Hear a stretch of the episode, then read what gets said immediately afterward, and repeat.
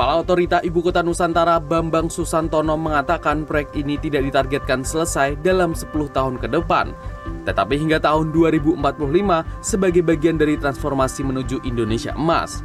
Pemerintah terus mengejarkan pembangunan IKN dari istana negara hingga infrastruktur publik. Progres pembangunan infrastruktur tahap 1 di IKN sendiri kini mencapai lebih dari 70 persen. Kita ingin membuat itu semua terukur, kita tahu bahwa ini nggak selesai dalam lima tahun, jadi harus secara konsisten dilakukan. Caranya gimana? Planningnya harus sound.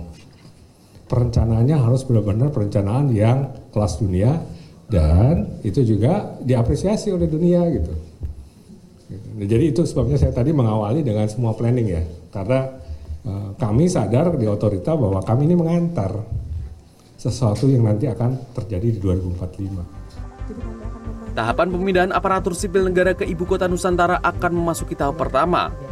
Kepala Otorita IKN Bambang Susantono mengatakan skenario perpindahan ASN masih dikoordinasikan dengan Kementerian Pendayagunaan Aparatur Negara dan Reformasi Birokrasi.